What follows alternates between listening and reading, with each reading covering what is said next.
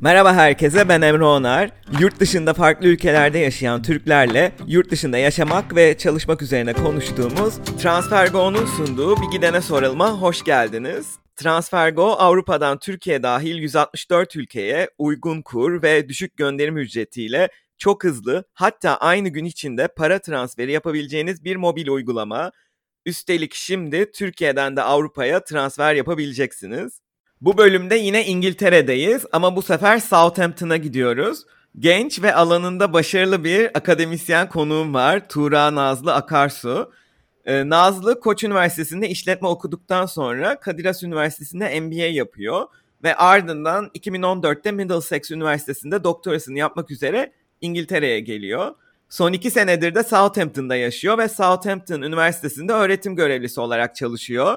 Üniversitenin şu anda en başarılı derslerinden birini veriyor. Hatta yakın bir zamanda ödüle aday gösterildi. Onu kendisi daha detaylı anlatır zaten. Hatta geçenlerde beni de dersine e, dijital pazarlama alanında konuk konuşmacı olarak çağırmıştı.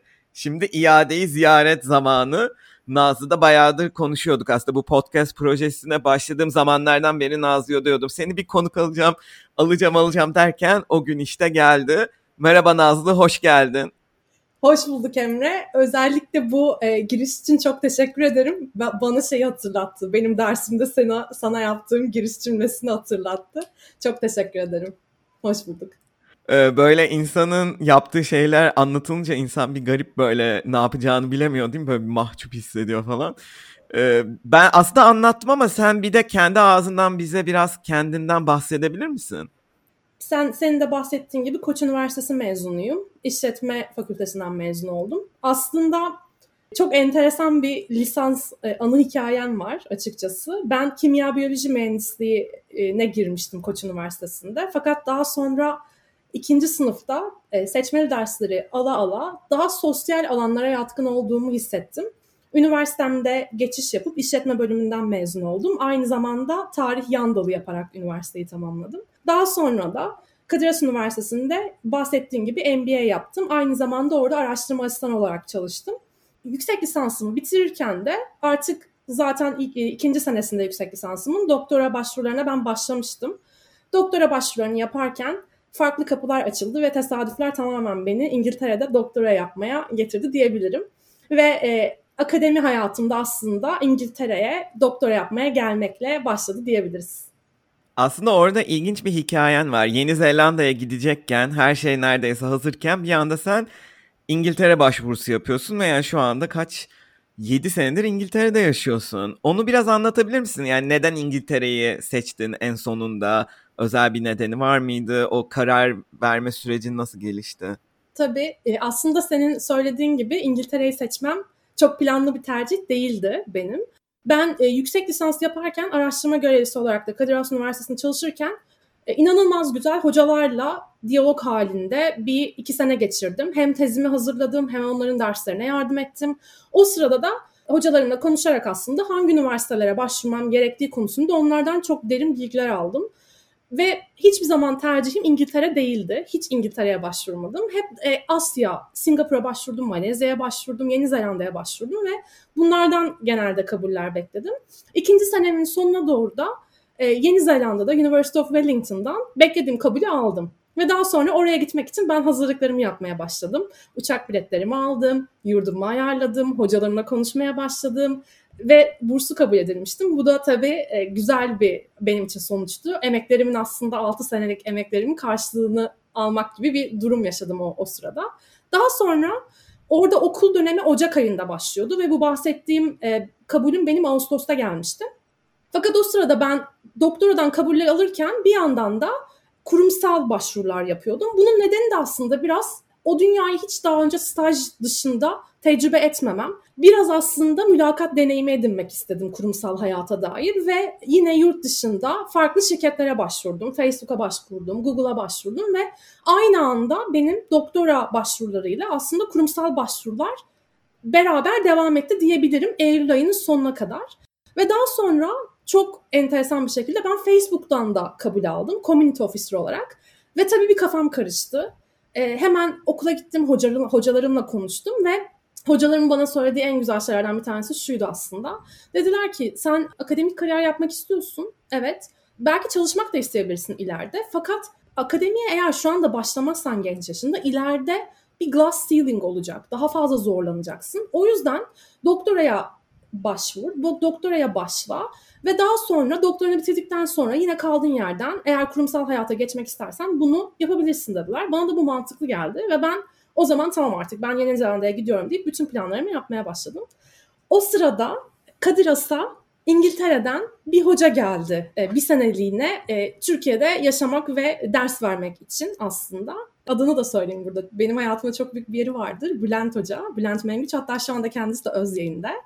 Bülent Hoca geldi ve benim danışman hocam dedi ki ya Nazlı hani Bülent Hocan e, gerçekten e, İngiltere'deki hocalara çok hakim ve senin araştırma dalına çok hakim. Biraz hani konuşur musunuz dedi. Ben de Bülent Hoca'ya e, neler yaptığımı anlattım. Kendi araştırma konumu anlattım. Çünkü doktora da başvuru yaparken aslında bir araştırma proposal'ı yazıyorsunuz ve onun sayesinde hangi hocalarla çalışmak istediğinizi siz belirliyorsunuz ve bireysel başvuru yapıyorsunuz hocalara. Ben de Bülent Hoca'ya her şeyi anlattım. Bülent Hoca da bana dedi ki ya e, Nazlı benim İngiltere'de senin konuna çok yakın konularda çalışan bir arkadaşım var. Konuşmak ister misin dedi. Tamamen e, İngiltere'de neler yapıldığını öğrenirsin dedi. Ben de olur hocam dedim. Bana sağ olsun e, bir görüşme için bir e, gün ayarladı İngiltere'deki hocayla ve biz oturduk İngiltere'deki hocayla benim konumu konuştuk. Hocanın çok hoşuna gitti benim çalıştığım konu ve dedi ki burada başvurular bildiğin gibi aslında bitti. Çünkü ben konuşurken artık Kasım ayı geldi ve e, Eylül'de İngiltere'de dönem başlamış oluyor. Ben dedi bu dönem öğrencilerimi de aldım doktor öğrencilerini. Fakat dedi eğer İngiltere'ye gelmek istersen ben dedi seni ekibimde görmek çok isterim. Senin gibi doktor öğrencisini ekibime katmak çok isterim. Başvurmayı düşünür müsün dedi. Bu arada bu dediği zamanı artık benim gitmeme şurada iki ay kalmış. Yani yok hocam hani ben Yeni Zelanda'ya gideceğim dedim. Ve ondan sonra ben yeniden Bülent Hoca ile konuştum. Bülent Hoca da dedi ki yani Yeni Zelanda da güzel bir opsiyon fakat çok uzak. Yani daha ailene yakın, daha ülkene yakın bir e, eğitim. Aynı zamanda İngiltere'deki eğitim de tabii ki doktor eğitim de çok güzel. Bunu dedi değerlendir bence. Ben başvurdum.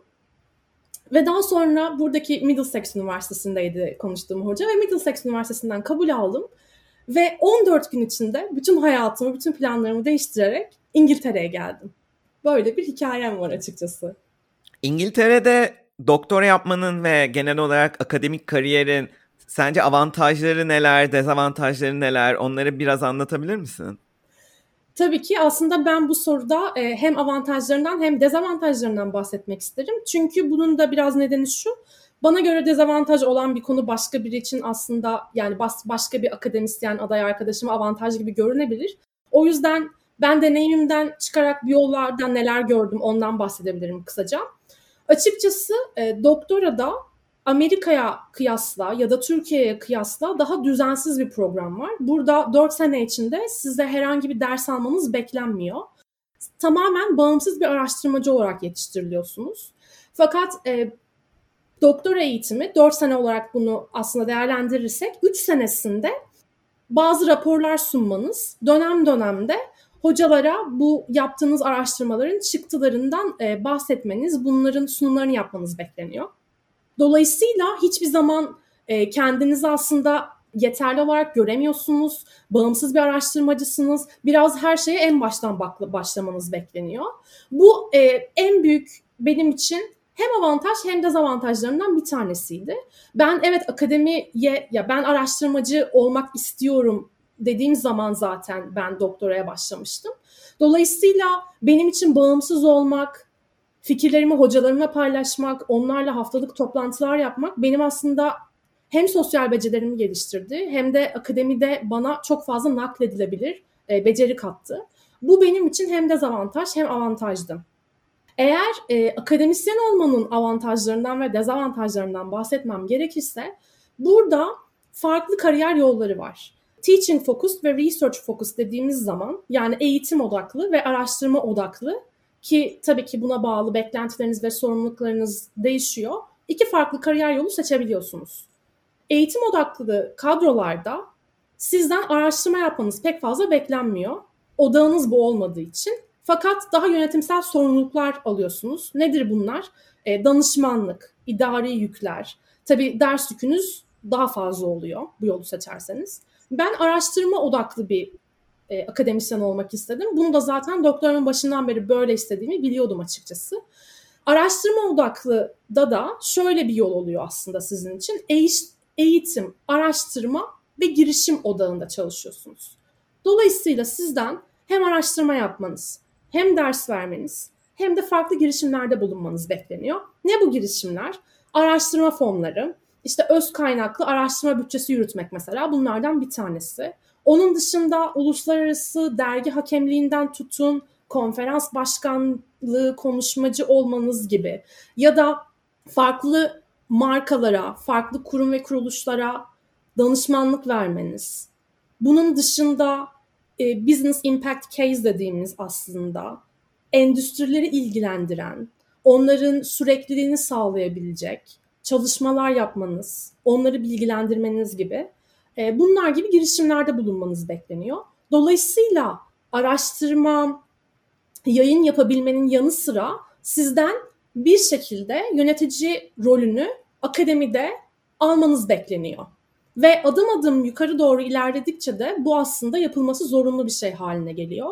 Mesela bu bazı insanlar için dezavantaj olabilir. Benim için aslında avantajdı. Çünkü bu sorumluluklar farklı yetenek ve tecrübelerinizi kullanma fırsatları yaratıyor. Tabii ki her e, akademisyen iyi bir yönetici olamıyor ama bu doğru ama olduğunda da bence en iyi yöneticilerin ben akademisyenlerden çıktığını düşünüyorum. Onun dışında tabii ki belli başlı baskılar var ve bu baskılar da üniversitenin sıralaması arttıkça gitgide artıyor. Mesela e, tabii ki akademisyen olmanın gerekliliğinden bir tanesi araştırma ve yayın işleri. Fakat bağlı çalıştığınız, bunu böyle de söylemeyi aslında çok sevmiyorum. Çünkü bence akademi biraz da gönülden yapılan bir şey ama bağlı bulunduğunuz kurum diyelim. E, dünya sıralamasında ilk 100 üniversiteden bir tanesi ise özellikle bu araştırma ve yayın baskısı daha da belirgin bir hale geliyor. Hatta e, bunu ben söylemiyorum aslında. Bunun için çok güzel bir laf var. Publish or perish diye. Araştırma üniversitelerinde çalışan akademisyenlerin hissettikleri enstitü baskısı için bunu sık sık söylerler. Bunu da Türkçe'ye şöyle çevirebiliriz. Yayımla ya da helak ol gibi bir anlam çıkabilir burada. E, bunun gibi avantajları ve dezavantajları var. Fakat dediğim gibi ben bunları bazen dezavantaj, bazen avantaj olarak görüyorum. Hiçbiri benim kafamda katı bir şekilde dezavantaj değildi. Benim birçok yönümü ortaya çıkartmamı sağladı diyebilirim. Valla e, güzel bir açıklama oldu Nazlı ya. O akademisyen kimliğini de ortaya koymuş oldun biraz böyle bayağı e, net bir şekilde cevap verdin. E, herhalde İngiltere'de akademik kariyer düşünenler için de bayağı aydınlatıcı bir cevap olmuştur diye düşünüyorum. Teşekkürler, güzel oldu. E, peki iş bulma süreci nasıl oldu? Öğretim görevlisi olarak Southampton Üniversitesi'nde çalışmaya nasıl başladın? Bu aslında çok güzel bir soru. Açıkçası benim için harika ve telaşlı bir deneyim oldu diyebilirim. Öncelikle ben neler yaptım ondan bahsedeyim kısaca.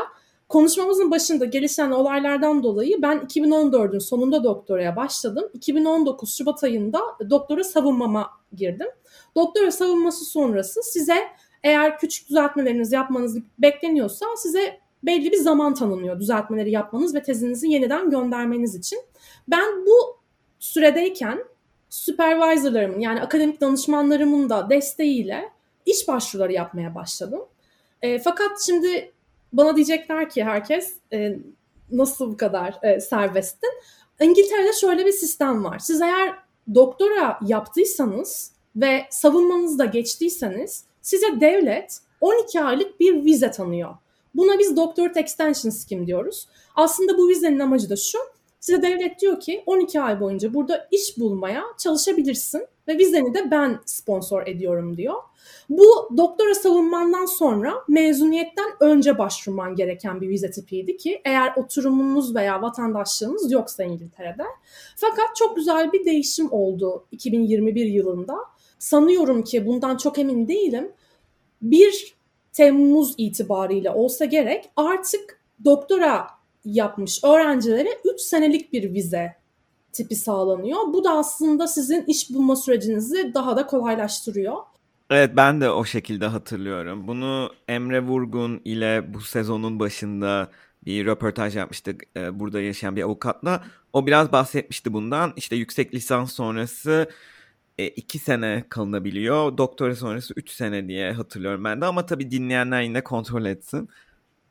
Doğru söylüyorsun. Hatta bunları artık benim zamanımda Doctorate Extension Scheme olan vizeyi Graduate Route olarak çevirdiler. Dolayısıyla her akademik qualification'a belli bir sene izin veriyorlar. Dolayısıyla artık doktora öğrencilerinin eğitimlerini bitirdikten sonra 3 seneleri olduğunu hatırlıyorum. Tabii benim zamanımda böyle değildi. Ben benim bir senem vardı ve bu aslında bana biraz rahatlık sağladı diyebilirim. Hem başvurularımı yapmak için hem de hazırlanmak için. Ben savunmamı geçtikten sonra dediğim gibi danışmanlarım bana artık başvuruları yapmamı gerektiğini çünkü mülakatların da bana bir şeyler katacağını, bazı mülakatlardan çıkacak aslında gelecek potansiyel soruları öğreneceğimi, mülakatların nasıl işlediğini anlamam için biraz zamana ihtiyacım olduğunu söylediler ve ben başvurumu yapmaya başladım.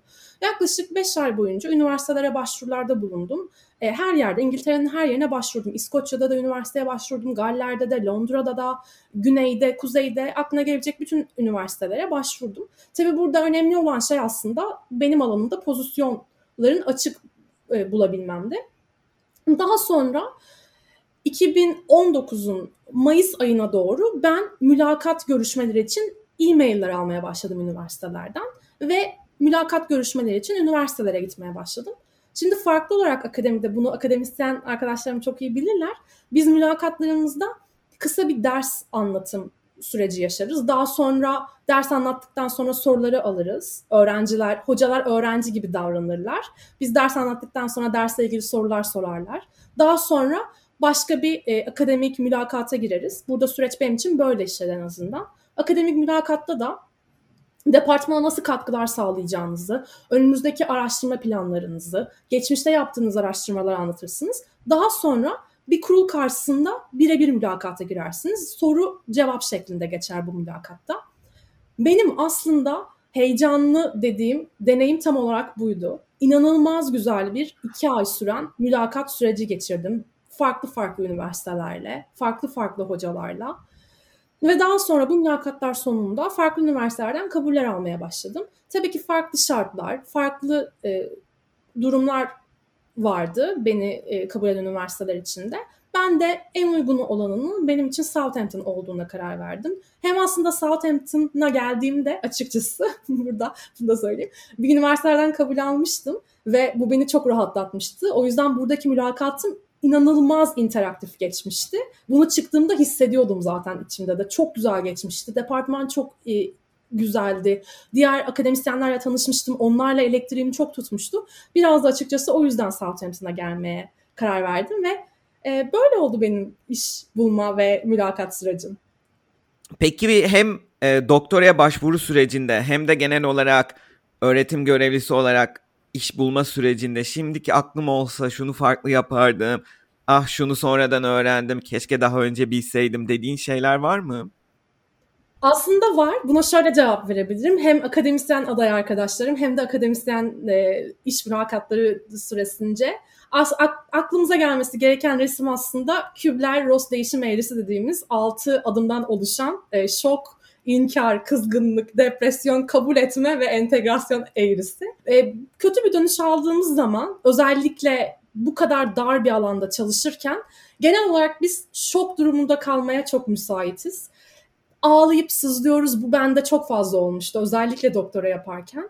Fakat aslında aldığın kötü kararı ya da kötü geri dönüşü bir kenara bırakıp sakin bir kafayla çalışmaya geri dönmeyi başarıyorsan emin ol o durum senin için çok daha iyi bir hale geliyor.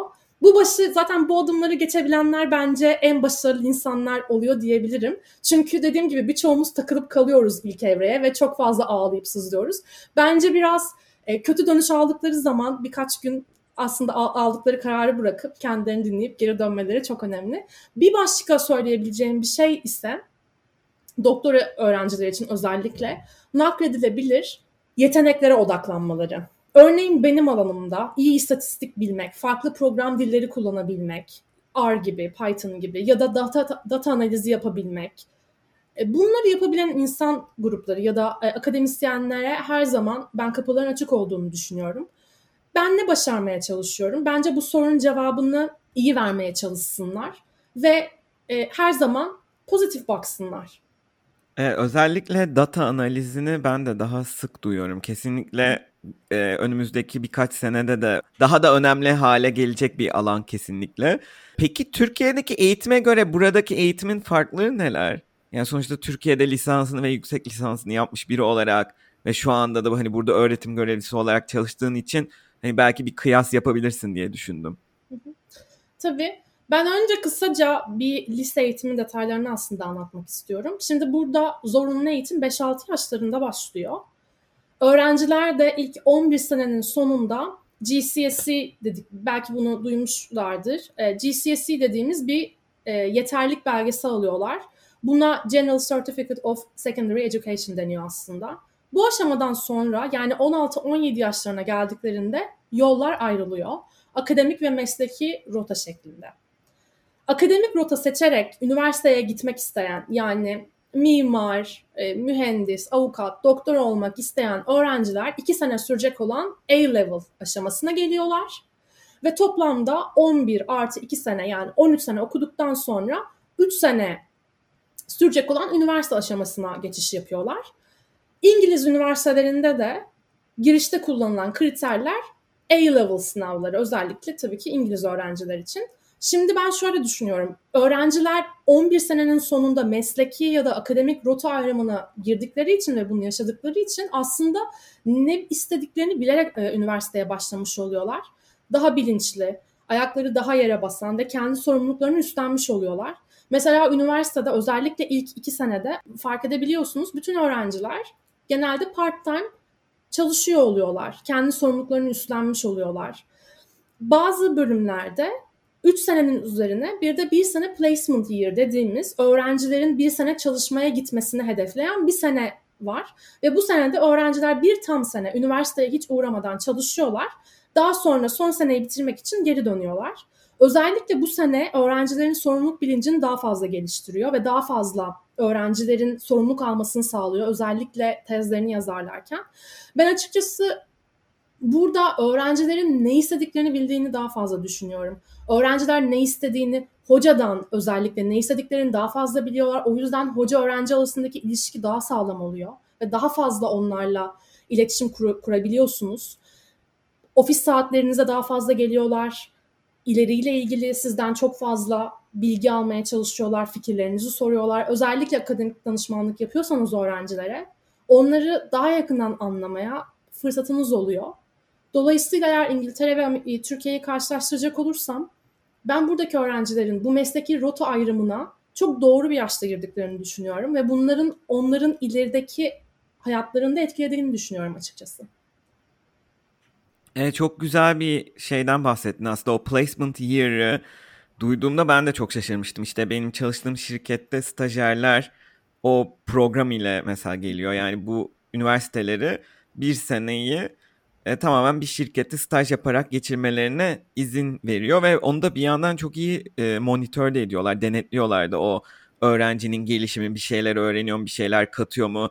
Hani Türkiye'de birçok staj, hani bazı tabii çok uluslu şirketler bunu çok güzel bir şekilde yapıyor ama e, birçok staj biraz öylemesine stajlar gibi geliyor bana e, kendi zamanımdan gördüklerime bakarak ve yine kendi zamanımdan e, yola çıkarak şeyi hatırlıyorum yani okulda mesela Boğaziçi'nde aslında öğretim görevlileri çok açık iletişim kuran insanlar. istediğiniz gibi hani girip hocayla sohbet edip hani ona sorular sorabiliyorsunuz ama mesela ne kadar az faydalanmışım diye şimdi geriye bakıp dönünce ben de düşünüyorum. Mesela mesleki olarak daha fazla soru sorabilirmişim. Hani kariyer olarak hani sorsam eminim ki bir şekilde cevap vermeye ya da yönlendirmeye çalışırlar burada mesela staj yapan üniversite öğrencilerini gözlemleyince ne kadar bilinçliler diye şaşırıyorum. Yani istekleri, sorguladıkları şeyler daha net. Ee, benim de gözlemlediğim kadarıyla evet öyle bir fark var gerçekten.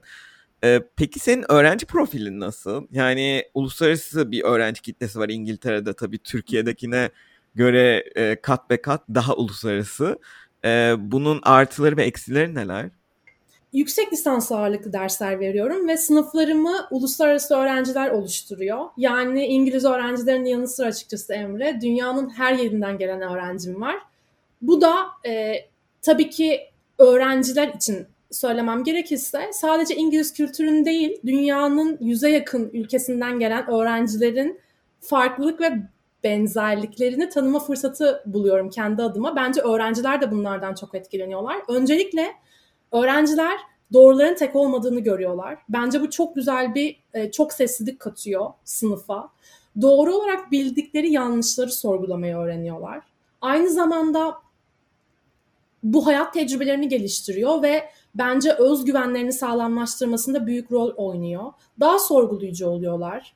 Tabii ki bu çok güzel bir kazanım. Sorgulama onları kendilerinin, kendi kültürlerinin ve ülkelerin artılarını anlamalarında çok büyük yarar sağladığını düşünüyorum ve bu bireyler ayakları daha yere sağlam basar hale geliyor. Ben aslında bu deneyim ayağının en önemli parçalarından bir tanesiyim. Çünkü sadece öğrenciler birbirinden öğrenmiyor. Ben de onlardan öğreniyorum ve özellikle birebir iletişime girdiğimiz öğrencilerle dünyanın dünyadaki olayları yerel bir gözden öğrenmiş oluyorsunuz. Mesela bunu şöyle söyleyebilirim. Türkiye'deki bir olayı en içten, en derinlemesine haber kaynaklarından değil ama bir Türk'le sohbet ederseniz öğrenirsiniz. Ben de aslında bunu çok fazla yaşıyorum. Özellikle ödevlerini okurken tabii bunun yansımasını görüyorsunuz. E, ya da e, tez danışmanlığı yapıyorsanız tez öğrencilerinizle daha fazla birebir zaman geçirme şansınız oluyor ve onlar genelde bu sorunları çözmeye çalışıyorlar. Aslında kendi savunduğum şeylerin onlara ne kadar yakın olduğunu görüyorum. Bunda şöyle örnek verebilirim Emre. Bir öğrencim Güney Kore'den geliyordu ve e, derste yaptığı bir ödevi kendi ülkesine uyarlayarak yapmak istedi. Ve ondan Güney Kore'de kurulan anne merkezlerini öğrenmiştim. Ve bu benim çok ilgincime gitmişti. Ve daha sonra tabii ki onun ödevini okurken bir sürü şey öğrendim. İşte Güney Kore'de mesela toplumsal e, eşitlik, cinsiyet eşitliği endeksinde aslında çok gerilerde olduğunu öğrendim. Ve bu anne merkezlerinin de e, kurulmasının amacının aslında bekar ya da bağımsız anneler diye çevireyim. Toplumdan genelde izole edildiklerini, toplum nazarında onlara kötü gözle bakıldığını ve şiddete ve cinsel istismara maruz kaldıklarını ve çalıştıkları yerlerde, okulda hatta kendi evlerinde haksız muamele gördüklerini öğrendim. Dolayısıyla başka bir kültürel dipnot aslında verebilirim.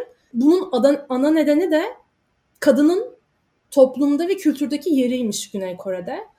Tabii ki kadından kültürde böyle işlendiği için kadından kariyeri pahasına çocuk bakımının ana sorumluluğu olmasını bekliyorlarmış ve bundan dolayı anne merkezleri kuruluyormuş ki kadının aslında ekonomik katılım ve politik güçlendirilmesini amaçlıyormuş. Dolayısıyla bakıldığında aslında birey olarak savunduğum davalarda ben yalnız olmadığımı hissediyorum ve o dünyanın her yerinden gelen öğrencilerden anında her şeyi öğrenebiliyorum. Bu benim için çok güzel bir fırsat. Çünkü akademide her zaman kendinizi geliştirmek zorundasınız. Bu fırsatları da her zaman okuyarak değil aslında öğrencilerinizden öğrenerek de yapabiliyorsunuz. Evet kesinlikle haklısın. Aslında yani elinde müthiş bir kaynak var. Dünyanın her yerinden gelen öğrenciler olduğu için aslında onların kültürlerinden sadece dediğin gibi ödevleri üzerinden bile e, öğrenebilirsin bir şeyler. Bu arada aklıma şey geldi Güney Kore ile ilgili. Gerçi şimdi alakası oldu eklemek ama Ekrem İmamoğlu da buna benzer bir şey yapıyor. E, kreşler açıyor. Anneler böylece çalışma hayatına katılabilsin. Rahatça çocuk bakımının yanı sıra hani bir yandan kendi mesleki gelişimlerine devam edebilsinler diye bayağı bir e, 24 mi 34 mü sallıyor olabilirim ya da her ilçeye mi ya da her mahalleye kreş açılması gibi projesi varmış. Bu Güney Kore'de bahsettiğin onu bir anımsattı. E, Türkiye'den bahsetmişken o zaman şeyi de sorayım. İngiltere'de akademinin avantajlarını sordum. Türkiye'de akademinin avantajları var mı sence? Ya buna hocalarım alınmasın, kırılmasın ama ben şu anda Türkiye'de çok ciddi bir akademik devalüasyon olduğunu düşünüyorum. Bence Türk Akademisi çok güç, çok zor bir dönemden geçiyor. Özellikle son 5 yılda akademik özgürlük ve ifade özgürlüğü bence ciddi zarar gördü. ve e, kampüslerde korku veya biraz otosansürün ben yayıldığını düşünüyorum. Tabii ki bu benim tamamen kişisel fikrim. Ama özellikle Boğaz içinde Cumhurbaşkanı'nın rektör atamasıyla ben Türkiye'de şu anda akademide inanılmaz karışık bir dinamik gözlemliyorum ve tabii ki bunu uzaktan gözlemleyebiliyorum ama sonuç olarak İngiltere'de çalışan bir Türk akademisyen olarak bu benim için inanılmaz endişe verici. Evet kesinlikle yani e, katılıyorum ben ne diyeyim Boğaziçi mezunu olarak zaten ben de Boğaziçi'nde yaşanan gelişmeleri e, üzüntüyle izliyorum e, hayal kırıklığıyla izliyorum. E, peki Türkiye'yi özlüyor musun? Özlediğin neler var? Türkiye'yi özlüyorum Emre. Ee, özellikle arkadaşlarımı özlüyorum. Ben hayatımda 24 yaşına kadar küçük küçük aslında yurt dışına çıktığım oldu. Üniversitede lisans eğitiminde küçük bir dönem Berkeley'de eğitim aldım döndüm ama hiç uzun bir dönem 7 sene gibi bir dönem özellikle yurt dışında yaşamamıştım. Dolayısıyla ben hayatımda ilk defa gurbetin aslında ne olduğunu hissettim. Hele de Covid'den sonra çok uzun süre gidememek, ailemi görememek benim için aslında çok etkileyici bir şey oldu. Onun dışında tabii ki arkadaşlarımı oturup konuşmak bundan en özlediğim şeylerden birkaç tanesi. İstanbul'da simit alıp boğazın yanında yemek, arkadaşlarımla sohbet etmek. Biz hep arkadaşlarımla yani yüz yüze bakıp birbirimizi anlamayı çok severiz. O yüzden bunlar en özlediğim şeylerden e, birkaç tanesi. Evet. Türkiye'deki hayat avantajları neler sence? Bunu akademik anlamda mı soruyorsun yoksa genel olarak mı soruyorsun? Genel. Enteresan bir soru. Hmm, yoksa cevabın şeyi de sorabilirim. İngiltere'de hayatın sevdiğin yanları neler? Sorusuna da geçebiliriz. Ha, bak buna cevap verebilirim.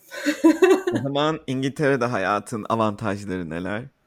Ya burada en sevdiğim yanlarından birkaç tanesi aslında. Tabii ki araştırma bağlamında özgürlük ve rahatlık duygusu öncelikle. Çok kolay bir şekilde gözlem yapabiliyorsunuz. Çünkü çok fazla üniversite var, çok fazla araştırma yapılıyor. Özellikle İngiltere, İngiltere'deki akademisyenler araştırma konusunda çok aktif.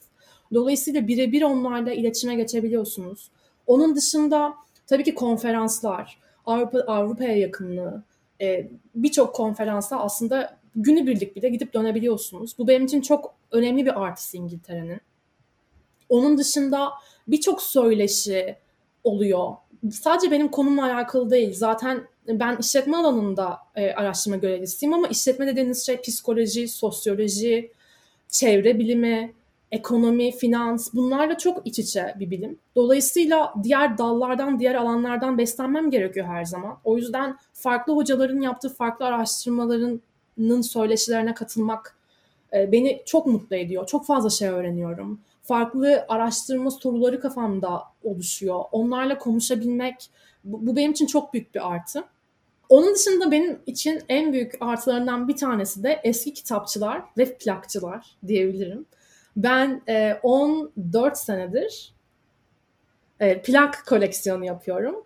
E, ve tabii ki buradaki eski kitapçılar, plak çılardan öyle plaklar bulabiliyorum ki yani bu benim için en büyük artılarından bir tanesi. Doktora yaparken bilenler çok iyi bilir bunu. E, farklı günlerde böyle plak şirketlerinin düzenlediği küçük fuarlar oluyor ve ben Londra'dan kalkıp mesela e, başka şehirlere sabah saat 5'te plak avına çıktığımı bilirim. Bu benim için çok e, güzel bir artısı İngiltere'nin. Özellikle ben e, bu psychedelic müzik dediğimiz işte 60'larda e, bu halüsinojen maddelerin patlamasıyla daha doğrusu o maddelerin etki altında yapılan bir müzik olarak geçiyor. Ben o dönemin plaklar, plaklarını toplamaya çalışıyorum. Tabii ki dünyada böyle bir furya olduğu zaman 60'larda e, Türkiye de bundan etkilenmiş. İşte Erkin Koray, Selda Bağcanlar, Barış Mançolar onların o dönemde yaptıkları mükemmel müzikler var. Ve çok enteresan gelecek ama ben onların plaklarını İngiltere'de bulabiliyorum. O yüzden e, bu benim için harika bir artısı. Vay bu yanını hiç bilmiyordum Nazlı ya. Bu arada bir yandan arkasındaki plak koleksiyonunu gösterdi Nazlı. Şok oldum. Baya Southampton'da ufak bir koleksiyon oluşturmuşsun. Peki Southampton'da hayat nasıl? Nasıl bir şehir? E, Londra'ya göre ne açılardan farklı? Burada aslında sana e, öncelikle kısaca yaşadığım yeri biraz anlatayım istersen. E, ben bunu anlatırken aslında Londra'ya ne kadar yakın ama yaşam yaşayış biçimi olarak Londra'dan ne kadar farklı bir şehirde yaşadığımı bence anlayacaksın. Şimdi Southampton e, Güneydoğu İngiltere'de, güney kıyısında Hampshire bölgesinin en büyük şehri aslında. Londra'ya da bir saat uzaklıkta ve uzun bir denizcilik ve havacılık geçmişine sahip. Çok da enteresan bir tarihi var. Hatta bunu da geçen e, hafta gittiğim ikinci el kitapçılardan aldığım bir kitaptan öğrendim. Tarihi dokusunu anlatıyordu Southampton'ın ama kaybolan tarihi dokusunu. E, o da şundan dolayıymış. E, 10. yüzyılda burada yerleşim başlıyor. Fakat daha sonra e, 11. yüzyılda şehre saldırılar başlıyor. İşte Norman saldırısı var mesela.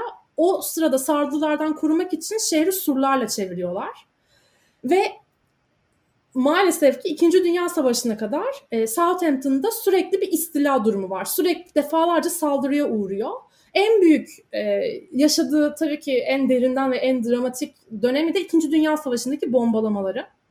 O dönemde şehrin tamamı yıkılıyor. Günlerce bombalanıyor ve hatta öyle bir gün öyle bir bombalanıyor ki şehrin ortasına çukur açılıyor. Hatta buna Southampton'da Southampton Blitz deniyormuş. Ben de bunu oradan öğrendim.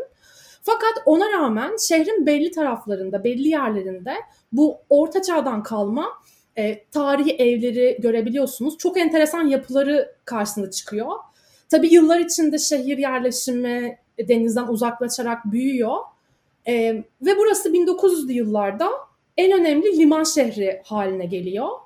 E, hatta buna ek olarak bir bilgi verebilirim. Southampton neyiyle ünlü dersen. Southampton e, Titanic'in aslında açıldığı liman.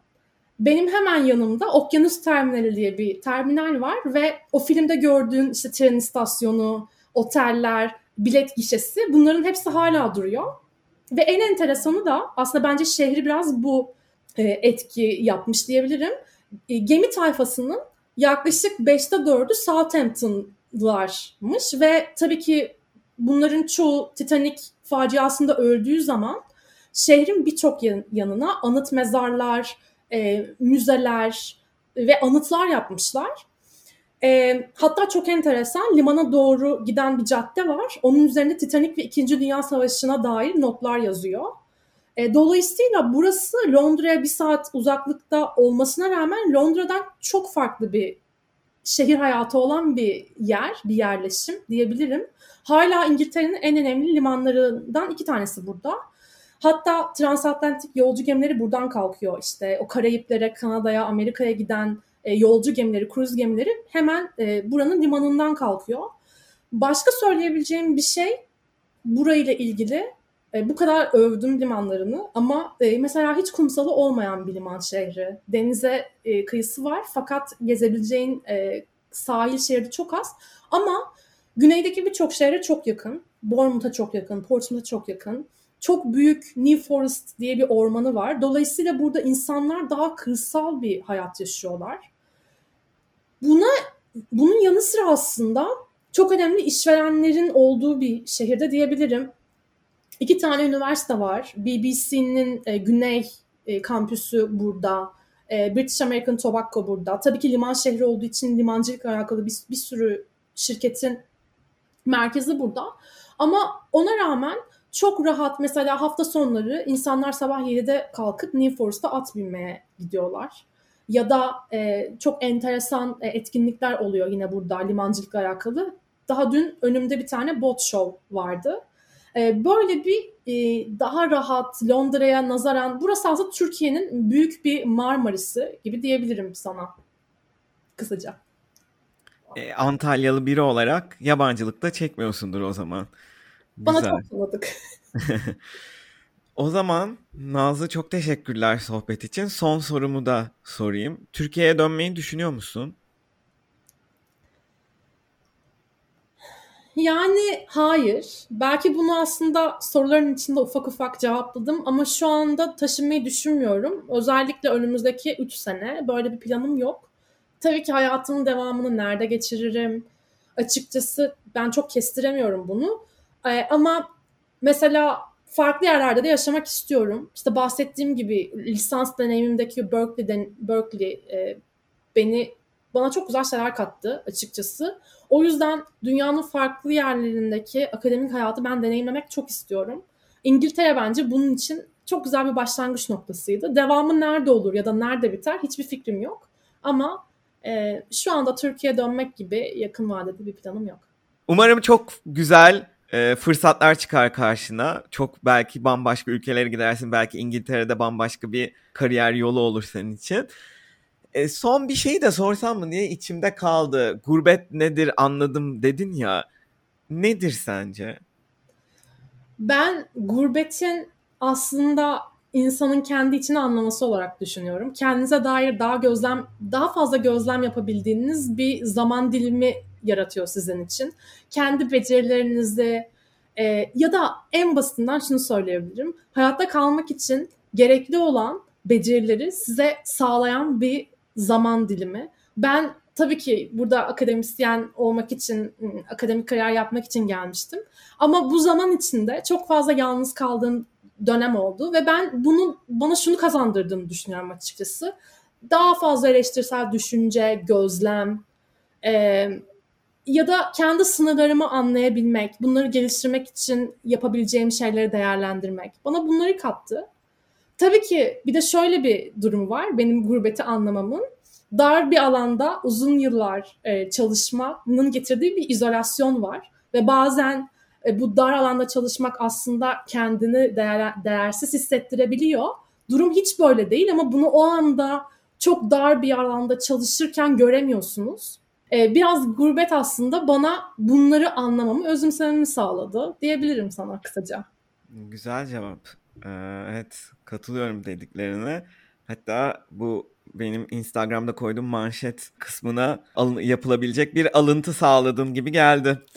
Çok teşekkür ederim Nazlı. Çok keyifli bir sohbet oldu. Bence ya özellikle İngiltere'de doktora düşünenler, akademik kariyer düşünenler için güzel bir pencere açtın. Ee, genel hatlarıyla güzel açıkladın diye düşünüyorum.